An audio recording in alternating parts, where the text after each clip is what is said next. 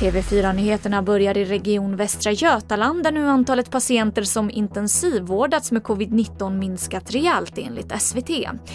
På Östra sjukhusets intensivvårdsavdelning där man vårdat de svårast sjuka patienterna är det nu två patienter kvar och det är den lägsta siffran sedan den första personen skrevs in i mars. En lovande antikroppsmedicin mot svåra covid-19-infektioner kan vara på väg. Det är flera forskargrupper som försöker att ta fram en antikroppsbehandling, rapporterar SVT om. De kallas monoklonala antikroppar och enligt en professor på Karolinska institutet så tror hon att det kommer att gå snabbare att få fram dem än vaccinerna. Och vi går vidare till Hongkong där oron nu växer för en ny våg av corona.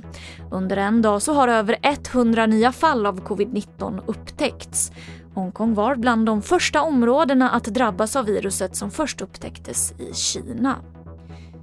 Och till sist kan jag berätta att antalet misstänkta fall av förfalskade sedlar har ökat kraftigt i år, rapporterar Ekot. Hittills i år så har 1600 fall av misstänkt förfalskade sedlar kommit in till Nationellt forensiskt centrum. Och förra året så var siffran 300 fall. Och det var det senaste från TV4 Nyheterna. Jag heter Emily Olsson.